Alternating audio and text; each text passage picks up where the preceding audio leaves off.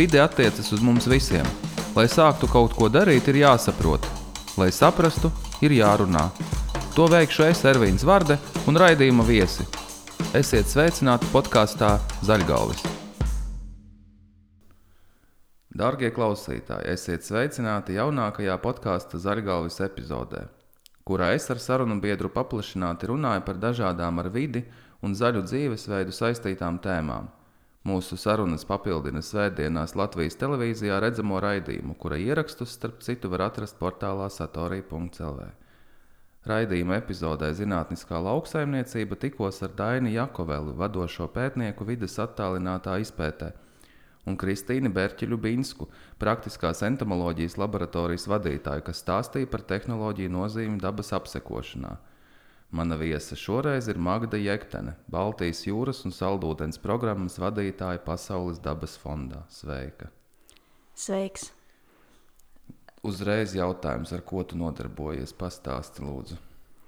Um, es esmu, kā jau tu minēji, Baltijas jūras saldūdens programmas vadītāja Pasaules dabas fondā, un mans darbs ir ļoti dažāds. Um, citreiz tas ir uh, lobisms, uh, kas iekļauj uh, um, dažādu likumdošanu pārskatīšanu un uh, cerams ietekmēšanu, tā lai tas ir uh, vidē draudzīgāks.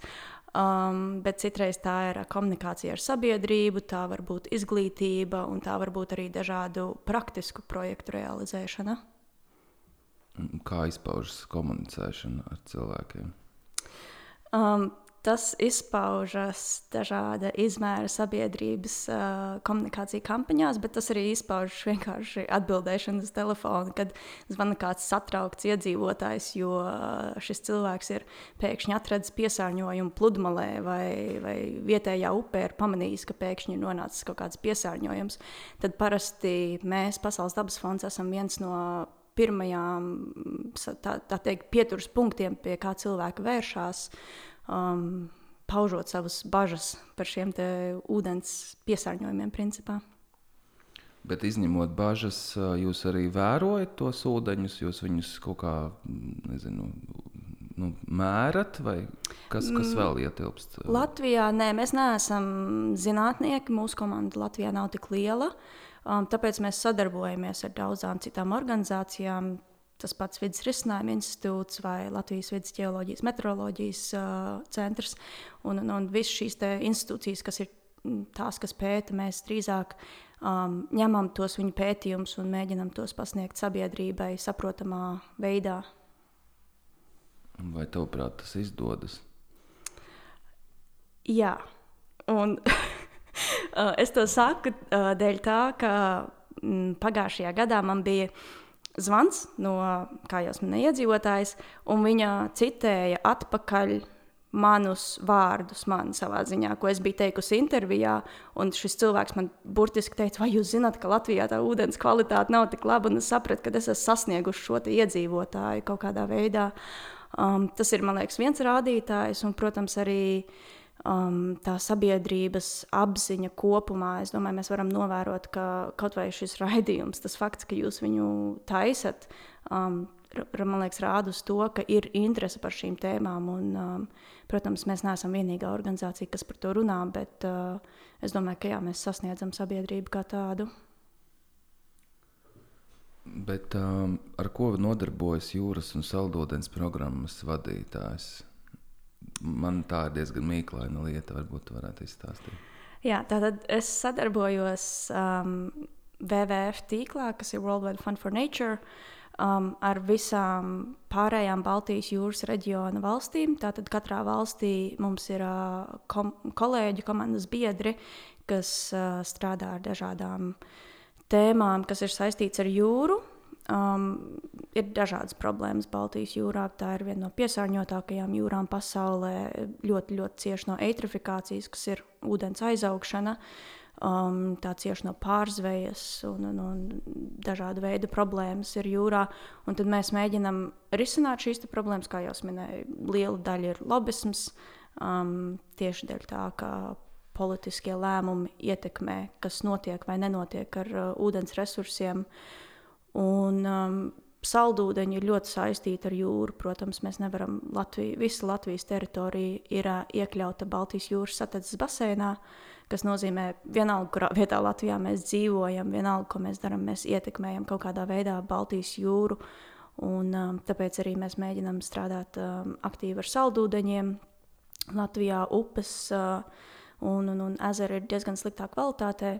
Mm, tā kvalitāte ir zemāka nekā vidējā Eiropā. Uh, Un, um, līdz ar to mēs uh, veicam dažādas praktiskas lietas. Šogad mēs ceram nojaukt pirmo aizsprostu Latvijā, jo aizsprost ir, rada būtisku ietekmi arī uz, uz saldūdeņiem. Beigās, ja šī kvalitāte upēs nav laba, tad, protams, arī kvalitāte jūrā nevar būt laba. Kāda ir lieta, ko tu uzzināji nesen, bet tāda slikta, kas saistīta ar, ar vidi? Um, es, es labi varētu definēt, kas ir nesen, bet, um, ja mēs runājam par migrējošo zivju populācijām, tad tās uh, Eiropā ir kritušās pa vairāk kā 90% 50 gadu laikā. Um, jo mūsu upes ir uh, visfragmentētākās pasaulē. Eiropā ir vairāk kā miljons aizsprostu uz upēm, un tas nozīmē, ka šīs migrējošās zivju sugas nevar šos aizsprostus pārvarēt, un līdz ar to tās nevar nonākt uz nārsta vietām.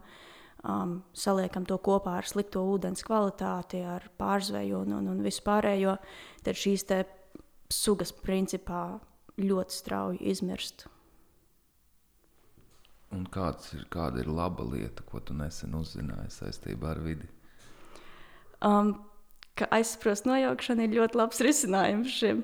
Tas ir uh, viens no lētākajiem, ātrākajiem un efektīvākajiem veidiem, kā atjaunot gan upes pašas, gan, gan paš, nu, šīs zivju populācijas, kas cieš no tā. Ir, Piemēri, kur labi rezultāti tiek redzēti jau bezmaz vai nedēļu laikā. Um, Vai ir atšķirības starp saldūdens un jūras uh, lietām, lietu novērošanu? Es domāju, vai ir kaut kāda specifika, vai tas viss ir jāskata kopā? Es domāju, ka ir nepieciešams skatīties baseina izmērā. Tā tad mm, ir ļoti grūti paskatīties uz vienu punktu upē un noteikt, kas ir problēma un kāds ir iemesls, vajag skatīties uz visu šīs upes basēnu. Tāpat tās ar Baltijas jūru mums vajag skatīties basēnu izmērā. Un, mm, kā jau minēju, Latvija ir visa Latvijas teritorija, ir Baltijas jūras basēnā, bet vispār Baltijas jūras satiksmes basēns ir četras reizes lielāks par jūru pašu. Um, un, un, un tajā dzīvo ļoti daudz cilvēku, protams, kas. Un, nāk liela ietekme no šī te, jo mēs kā cilvēki ietekmējam, mēs kā lauksaimniecība ļoti masveidā ietekmē gan saldūdeņus, gan jūru. Un, um, jā, tā ir tā lieta, ko es laikam gribētu pasvītrot, ka jāskatās plašāk. Nevar vienkārši gan jūrā, gan saldūdeņos. To nevar vienkārši no viena punkta saprast. Varbūt varētu izstāstīt plašāk, kā lauksaimniecība ietekmē ūdeņus. Jā, lauksaimniecība, protams, ir ļoti pakļauta klimatam un, un visādām vidas uh, ietekmēm. Principā lauksaimniecība bez tā nevar pastāvēt. Lauksaimniecība vispār attīstījās dēļ tā, ka klimats stabilizējās. Un tagad ir drusku ironiski, ka lauksaimniecība ir tā, kas savā ziņā izjauc šo balansu. Un lauksaimniecībai ir ietekme uz klimatu, uz augsni, uz bioloģisko daudzveidību un arī uz ūdeņiem. Protams, lai kaut kas augtu, ir nepieciešama laba augsne, saules gaisma, ūdens. Principā. Um, Un, un pirmkārt, mēs patērējam ļoti daudz ūdeni lauksaimniecībā. Ja mēs nerunājam tikai par Latviju, bet globāli lauksaimniecībā ir um, produkti, kas uh, patērē vairāk ūdens resursus nekā citi. Um, piemēram, kokvilna ļoti daudz ūdeni patērē, salīdzinot ar kaņepu, kurai ir nepieciešams mazāks ūdens apjoms, lai tā augtu. Um, tā ir viena lieta, bet otra lieta - jebkas, kas nonāk augstnē, um, izfiltrējās ūdens resursos beigās. Tātad uh, lauksaimniecības zemes, kas ir, viņām vienmēr būs apkārt kaut kāds ūdens objekts, vai tie būs meliorācijas grāvji, vai purvs, vai ezers, vai dīķis, vai upes, vai pat jūra. Vienmēr būs kaut kāds ūdens tuvumā. Un, um, mēs izmantojam ļoti daudz mēslojuš, mēslojušanas līdzekļus, kas satur slāpekli un fosforu. Divas ķīmiskas vielas, kas veicina šo eitrofikāciju, jeb ūdens aizaugšanu. Tātad mēs gribam, lai labība vai kas cits, ko mēs iesējam, aug. Mēs uzliekam ļoti daudz šos te, šo mēslojumu virsū, kas agrāk bija dabīgs, tātad mēsli. Bet šobrīd tas ir jau ķīmisks, jo tas ir savā ziņā efektīvāks, un lētāks un vieglāk pieejams. Um, un līdz ar to daudz no šī mēslojuma nonāk ūdeņos, tāpēc mēs viņu izmantojam daudz par daudz um, kas īstenībā arī ir. Tas nav loģiski, jo tās ir papildus izmaksas lauksaimniekam, un tas rada ļoti sliktu ietekmi uz ūdens resursiem. Un principā šis mēslojums nonāk ūdeņos, un tad tas aiztek uz jūru, kur um, aug ļoti intensīvi aļģes. Iespējams, ir dzirdēts arī par zilaļģiem, kas ir toksiskas. Un šīm aļģēm vairojoties, ir sevišķi vasaras mēnešos, kad ir viskarstākais periods, Tad uh, tās veido tādu biezu slāni ūdens virsū, kuram saules gaisma vairāk netiek cauri. Un um, nekas bez saules gaismas nevar augt. Tas nozīmē, ka arī jūras gultnē visādas jūras zāles nevar augt, um, samazinās skābekļa līmenis ūdenī. Un tad šīm aļģēm pūstot savā dzīves cikla beigās, tās arī patērē vairāk skābekli no jūras ūdeņa, un beigās sanāk tā, ka jūrā veidojas bezskābekļa zonas, jeb tā teikt, mirušās zonas. Un apmēram gandrīz vai viena trešdaļa no Baltijas jūras jau ir mirusi. Bet ko tu teiktu cilvēkam, kurš apgalvotu, ka tas tiek viss regulēts un kontrolēts, un ir kvotas, un ir kaut kādi uzraudzības instances, un ka viss taču ir atļautos daudzumos? Ko tu uz to varētu iebilst? Kad dati pierāda, ka tā nav. Um, ir priekš Baltijas jūras ir izveidota uh, savā ziņā darba grupa, ko sauc Helkoms. Tur ir uh, visas dalību valstis, uh, principā, kas ir apkārt Baltijas jūrai. Un um, Helkom dati uzrāda to, ka Baltijas jūra ir ļoti sliktā stāvoklī. Um, protams, tur ir klāt arī visādas. Um, ir, ir citi iemesli, arī Baltijas jūra ir ļoti īpaša savā ziņā. Um, tas ir drīzāk kā tāds ļoti liels ezers, ne jau jūra, jo tā savienojas ar uh, Ziemeļjūru tikai Kattegatā starp, uh, Somi, um, starp uh, Zviedriju un uh, Dāniju. Un tā ir ļoti šaura vieta, kur ūdens apmaiņa notiek ļoti lēni. Tā tad arī um, tās labās lietas mēs Baltijas jūrā pat ja mēs šodien visu darītu labi, aizņem diezgan ilgu laiku, līdz mēs justu šīs pozitīvās izmaiņas, dēļ tā, ka tas ūdens tik lēni apmainās ar to svaigo ūdeni, kas nāk no Ziemeļjūras savā ziņā. Un, um, jā, mēs paskatāmies uz datiem, mēs redzam, ka tā jūra mirst ar vien vairāk savā ziņā. Tie, tas piesārņojums vēl joprojām ir daudz par daudz. Um, ir šīs noteiktās normas, kas um, arī ir diezgan augstas, bet mēs viņas laiku pārsniedzam. Mēs neieturamies šajās normās, kas ir noteiktas. Bet pat ja mēs tajās normās iekļautos, Daugava tek arī cauri Baltkrievijas teritorijai, kur noteikti šo normu ievērošana ir nu, pavisam otršķirīgs jautājums. Vai ja mēs pēkšņi mainām savu uzvedību, vai mēs tiešām stipri uzlabosim? Es tā kā pesimistisku jautājumu uzdodu.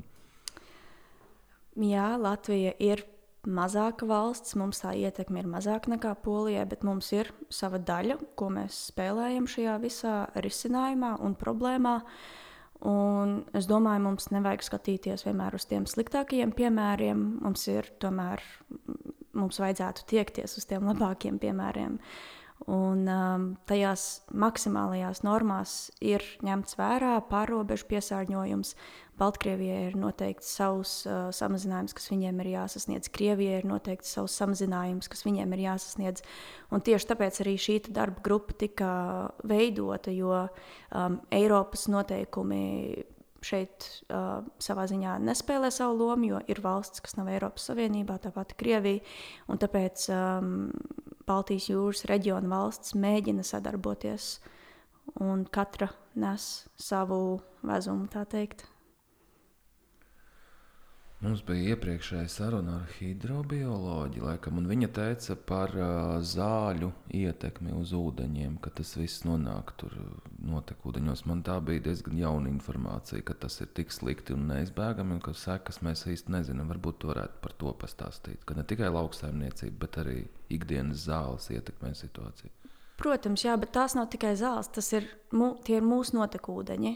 Un tas ir um, tas, kas sabiedrībai ir jāapzinās, ka jebkas, kas iet iekšā mūsu notekūdeņos, principā jebkas, ko mēs no izlietnes lejam caur vannas istabu un tā tālāk, kas nonāk ūdeņos, savā ziņā nonāk beigās upēs, jūrās un tā tālāk, jo nav iespējams tik ļoti, nu, vismaz tie ūdeņi netiek attīrīti tik ļoti no šī, ne, šīm ķīmiskām vielām. To, tas man būtu ļoti dārgi, lai to ūdeni attīrītu no visa tā.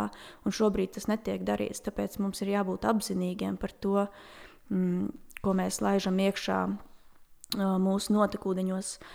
Jo Agrāk notekūdeņi bija ļoti būtiska daļa no eitrofikācijas, arī šiem lauksaimniecība tagad ir lielākā, bet agrāk notekūdeņi bija ļoti daudz nozīmīgāka daļa nekā tie ir tagad. Un tad uh, tika izveidots Helkoms, un Helkomā tika noteikts, ka ir jāuzlabo situācija ar notekūdeņiem. Un tas principā arī notika, jo visas šīs bijušās padomju valstis uzbūvēja notekūdeņa attīrīšanas stacijas, un situācija ir uzlabojusies.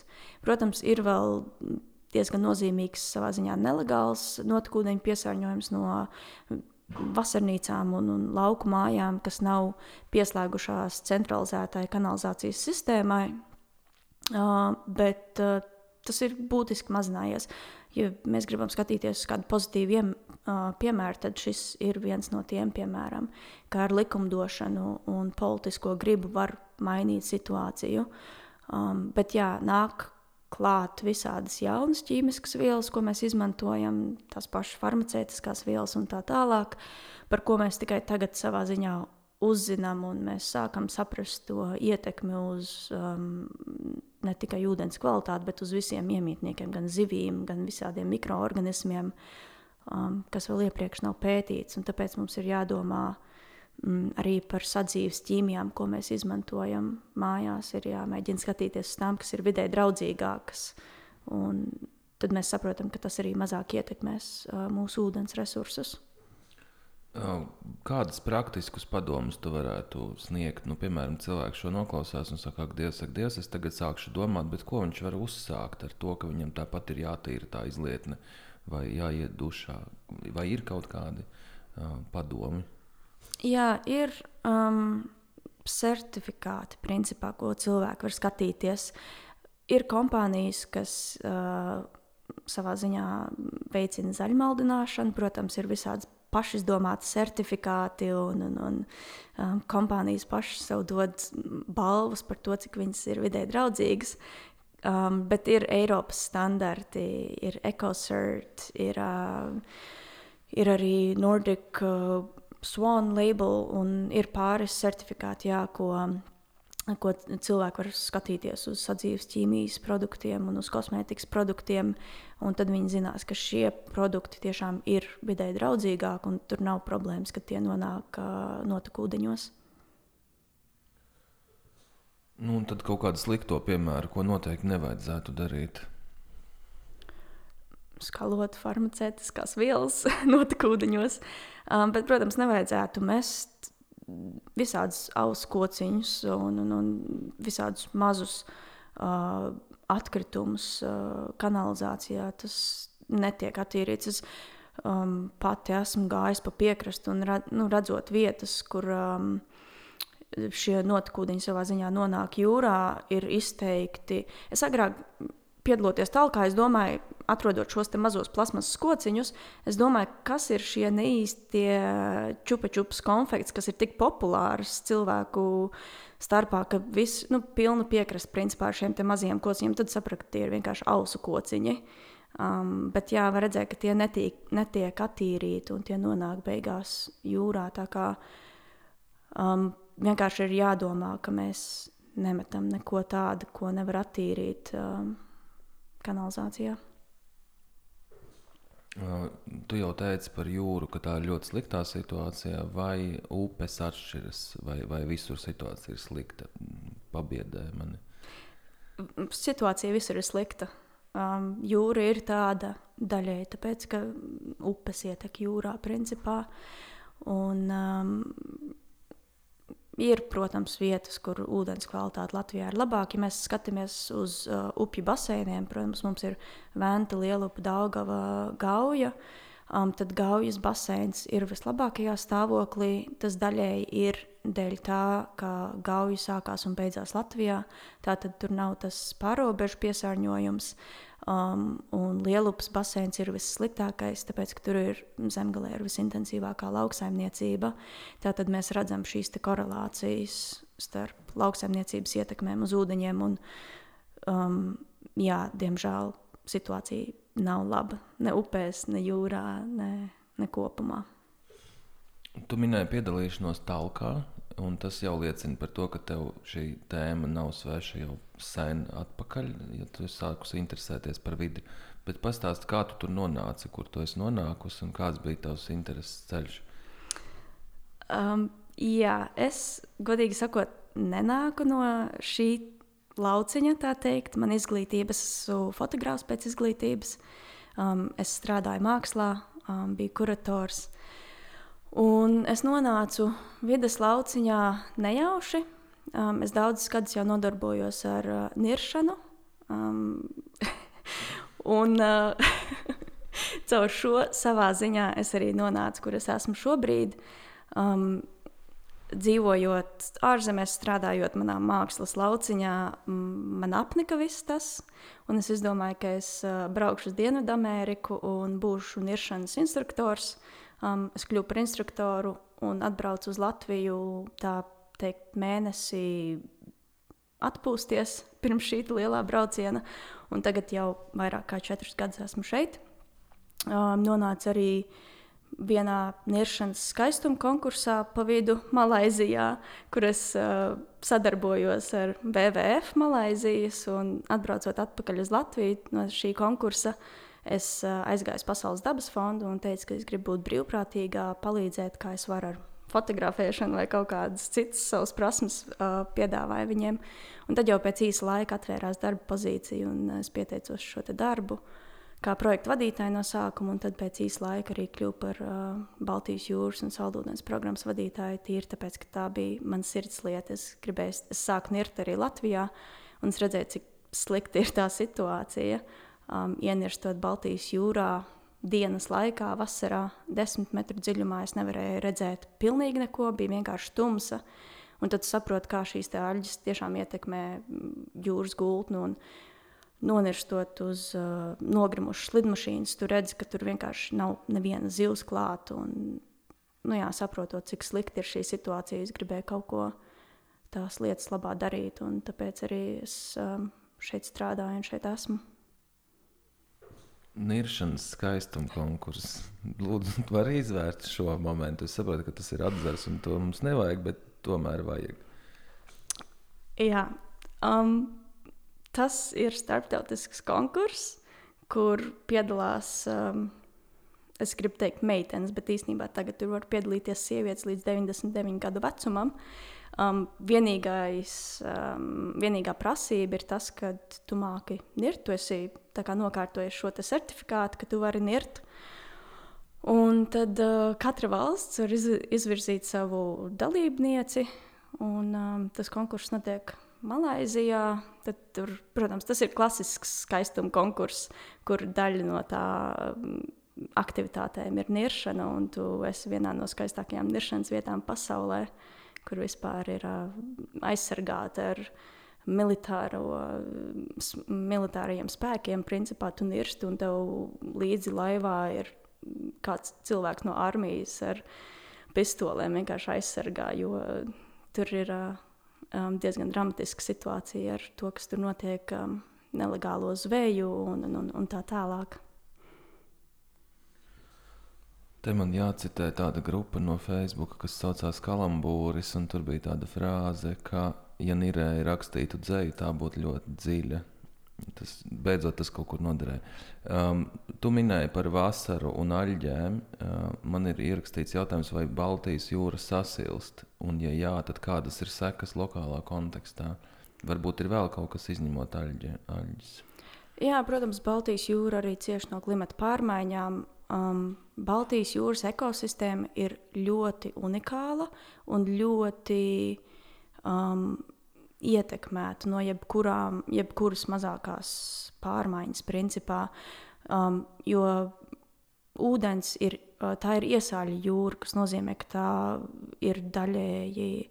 Mm, nu, principā tā ir daudz uh, saldāka jūra nekā citas. Ja mē, jūras sāļumu mēra promilās, tāpat kā alkohola, Um, tad vidēji jūras un okeāna ir 30 promils, un Baltijas jūra ir 8 promils. Um, dēļ tā, ka tik daudz upes ietek um, šajā jūrā, un kā jau minēju, tas kā liels ezers slēgts, tad uh, tur ir ļoti daudz saldūdens iekšā. Un šīs te, mm, visas sugas, kas tur dzīvo, ir pielāgotas tikai šādiem apstākļiem. Un mainoties klimatam, ar vairāk nokrišņiem, šis sāļums sāk mainīties un ūdens temperatūrai mainoties arī. Protams, dēļ tā, ka vidējā temperatūra, kā mēs zinām, ziemeļos iet uh, uz augšu daudz ātrāk nekā citur pasaulē, tad šīs sugas ir ļoti ietekmētas no tā, negatīvi ietekmētas. Jā, tas par to niršanu man bija tāds pārsteigums. Lai gan nu, cilvēki nodarbojas ar tik dažādām un arī savādām lietām, ka nu, nav liels pārsteigums, vienkārši negaidīju kaut ko tādu. Uh, bet saki, vai uh, kaut kādā veidā par to niršanu uh, man interesē vienkārši izstāstīt, kā, kāpēc, nu, kas tas vispār ir, kā var ienākt prātā nirt. Tas taču tā nav paredzēts. Tas uh, sākās īstenībā vienkārši kā dāvana. Man un uh, manām abām māsām, mums uh, ģimenes loceklis, kurš arī jau principā visu mūžu nodarbojās ar niršanu, izdomāja mums uzdāvināt visām šo iesācēju kursu. Uh, Um, mēs bijām atvaļinājumā Venecuēlā, un um, mēs visi iemācījāmies Karību jūrā, kā nirt. Tā nav ļoti, tā vispār nav slikta vieta, kur iemācīties, kā nirt. Jo, protams, ir ļoti skaisti. Un, un, un, um, man šī lieta ļoti iepatikās, un tad dzīvojot um, Dubajā pie jūras, protams, um, mans darbs bija tāds, kas man ļāva no rītiem doties nirt un pēcpusdienās doties uz darbu. Tad um, es principā to darīju katru dienu un es kļuvu par instruktoru. Es sapratu, ka man ļoti patīk būt zem ūdens. Un arī stāsts, ko mana māte man ir stāstījusi, ka es piedzimu pirmkārt divas nedēļas pa vēlu. Es negribēju dzimt, un līdz ar to es piedzimu ar uh, zvīņām. Es biju vienkārši savā ziņā ar zvīļiem. Jā. Un, um, tāpēc saka, es jūtos daudz labāk, daudz drošāk, daudz komfortablāk zem ūdens.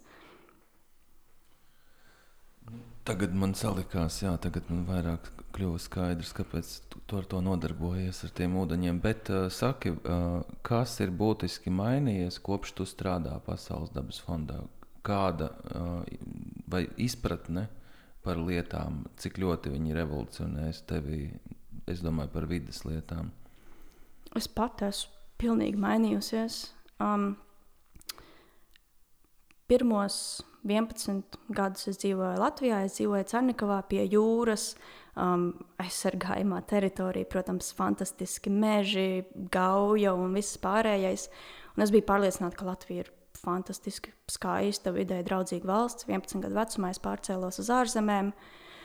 Um, visu dzīvi stāstīja visiem, cik Latvija ir lieliska, cik Latvijā viss ir vidē draudzīgs, uh, dzīvojot Dubajā. Um, es, protams, kļuvu par cilvēku, kas ļoti daudz iepirkās, um, braucu ar lielu mašīnu un kleitas vilku vienu reizi apmēram. Um, un, un, un, jā, skatoties uz Dubaju, kur it kā daba īsti tā nav, es vienmēr teicu, ka Dievs, cik Latvija ir zaļa un skaista. Un arī aizbraucot uz to pašu skaistumu konkursu, es reprezentēju Latviju kā ļoti vidē draudzīgu valsti. Um, jo, protams, tur viena no lielākajām problēmām ir atkritumi. Straumas nes ļoti daudz atkritumu tajā virzienā, un es teicu, ka Latvijā atkritumu ir ļoti maz. Tā nav problēma, mēs esam izcila valsts. Un tad es atbraucu atpakaļ, un es sapratu, ka man ir kauns par to, ko es esmu stāstījis, jo tā, protams, nav. Un tagad um, es esmu priecīgi iepirkties uh, humpalās, tā teikt. Es, uh, esmu pilnīgi izmainījis savus paradumus, un es saprotu, ka tas vienkārši bija ekstrēmi, kā es dzīvoju iepriekš. Humpalu detaļa bija ļoti laba. Ko vēl to es izmainīju? Nu, vienkārši parasti uh, šīs sarunas ir tādas ļoti teorētiskas un tādas tālas. Un, nu, ko tad es? Bet, nu, ko vēl var darīt, izņemot iepirkšanos humpalās un klaitu vilkšanu vairāk nekā vienu reizi? Um, pārtikai ir ļoti liela nozīme mūsu dzīvē, um, un kā jau minēju, arī ietekmē uz vidi. Um, un otra lieta ir patēriņš kā tāds. Tas arī atsaucās uz pārtiku, jo principā tā lieta, kas rada ļoti lielu ietekmi uz vidi, ir patēriņš. Mēs vienkārši patērējam par daudz. Zemes resursi nav nebeidzami. Un cilvēku populācijai pieaugot, šis spiediens būs arvien lielāks. Jo mums ir jāsaprot, ka pilnīgi viss, kas mums ir apkārt, nāk kaut kādā veidā no vidas.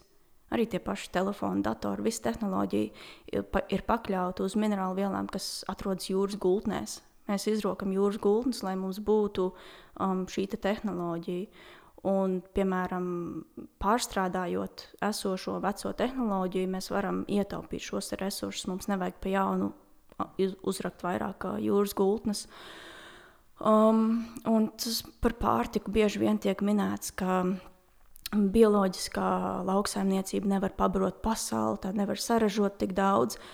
Um, bet mēs paskatāmies arī Latvijā, kur katrs piektais cilvēks dzīvo uz nabadzības sliekšņa, gandrīz vai mēs izmetam apmēram vienu trešdaļu no pārtikas. Un izmetot jebko pārtiku, kaut kādus produktus, ko mēs varētu izmantot vai salabot, um, vēlreiz mēs vienkārši izmetam vidas, nu, zemes resursus miskastē, un tas tas ir briesmīgi. Un tāpēc es domāju, mums ir jāpadomā par jebko, ko mēs izmantojam, ka mēs vienkārši neizmetam to. Tu mašīnu arī izmeti lielo? Pārdevu. Es, viņu, es ar to mašīnu neatbraucu atpakaļ uz Latviju. Nē. Man ir tāds romantisks jautājums. Kāda ir tava mīļākā upe vai ezers Latvijā? Protams, gauja man ir ļoti tuva. Es, es izaugu pie tās, un, un man liekas, neviens nevar noliekt, ka gauja nav skaista. Tas ir Gaujas Nacionālais parks, viena no skaistākajām vietām. Um, šobrīd man personīgi ļoti tuva ir Alūksnes upe. Dēļ tā, ka tā ir upe, uz kuras es ceru šogad nojaukt pirmo aizsprostu. Es esmu dzirdējis par to aizsprostu lietu, ka grasās nojaukt. Varbūt vari par to drusciņu pastāstīt arī. Jā, tā tad šī kustība Eiropā un arī pasaulē ir tiešām ļoti aizgājusi. Tas ir iekļauts um, Eiropas Savienības bioloģiskās daudzveidības stratēģijā, ka mēs gribam atjaunot 25,000 km upju Eiropā līdz 30. gadam. Um, tas nozīmē jā, aizsprost nojaukšanu principā jo daudzi šie aizsprosti ir pilnīgi nevajadzīgi. Um, protams, aizsprosts var būt uh, mazais hess, vai tas var būt dzirnavu dīķis vai um, problemātiska caurteka. Tātad padomju savienībā būvētie ceļi ar šīm cementu, cementa trubām apakšā uz upes um, bieži vien ir ļoti problemātiski. Tur, um, ja ūdens knapi tiek cauri, tad zivis, sediments un jebkas cits netiek. Um, Tātad šāda veida aizsprosti ir nevajadzīgi. Tie nekalpo pilnīgi nekam. Ja mēs vēl varam savā ziņā argumentēt, ka mazie hesi tur ir kaut kāds finansiāls labums šobrīd, kamēr ir oiks um, šiem dažiem īpašniekiem, um, tad uh, no cita veida aizsprostiem nekāds labums nav. Un tos nojaucot, mēs ļoti ātri varam atjaunot šo bioloģisko daudzveidību, kas ir saldūdeņos. Un um, Latvijā neviens aizsprosts vēl nav nojaukts, kas ir īstenībā ļoti traki. Es zinu, ka Pasaules dabas fonds strādā pie mazajiem hesiem un saldūdeņiem jau vairāk kā 20 gadus. Um, Igaunijā jau ir diezgan daudz aizsprostu nojaukti, Lietuvā ir nojaukti pirmie aizsprosti pāris gadus atpakaļ, un Latvijā tas vēl nav noticis. Ir bijuši diezgan daudz pētījumu, kas pēta visādas aizsprostus, kuri ir nevajadzīgi, kuriem ir lielāka ietekme, ietekme kuriem ir mazāka, bet um, tas praktiskais darbs nav noticis. Nu, jebkurā gadījumā paldies tiem, kas cīnās, un arī tev. Paldies par šo sarunu! Visi zargalvi raidījumi, podkāsti un raksti pieejami Satorija LV sadaļā Zargalvis. Paldies Latvijas vidas aizsardzības fondam!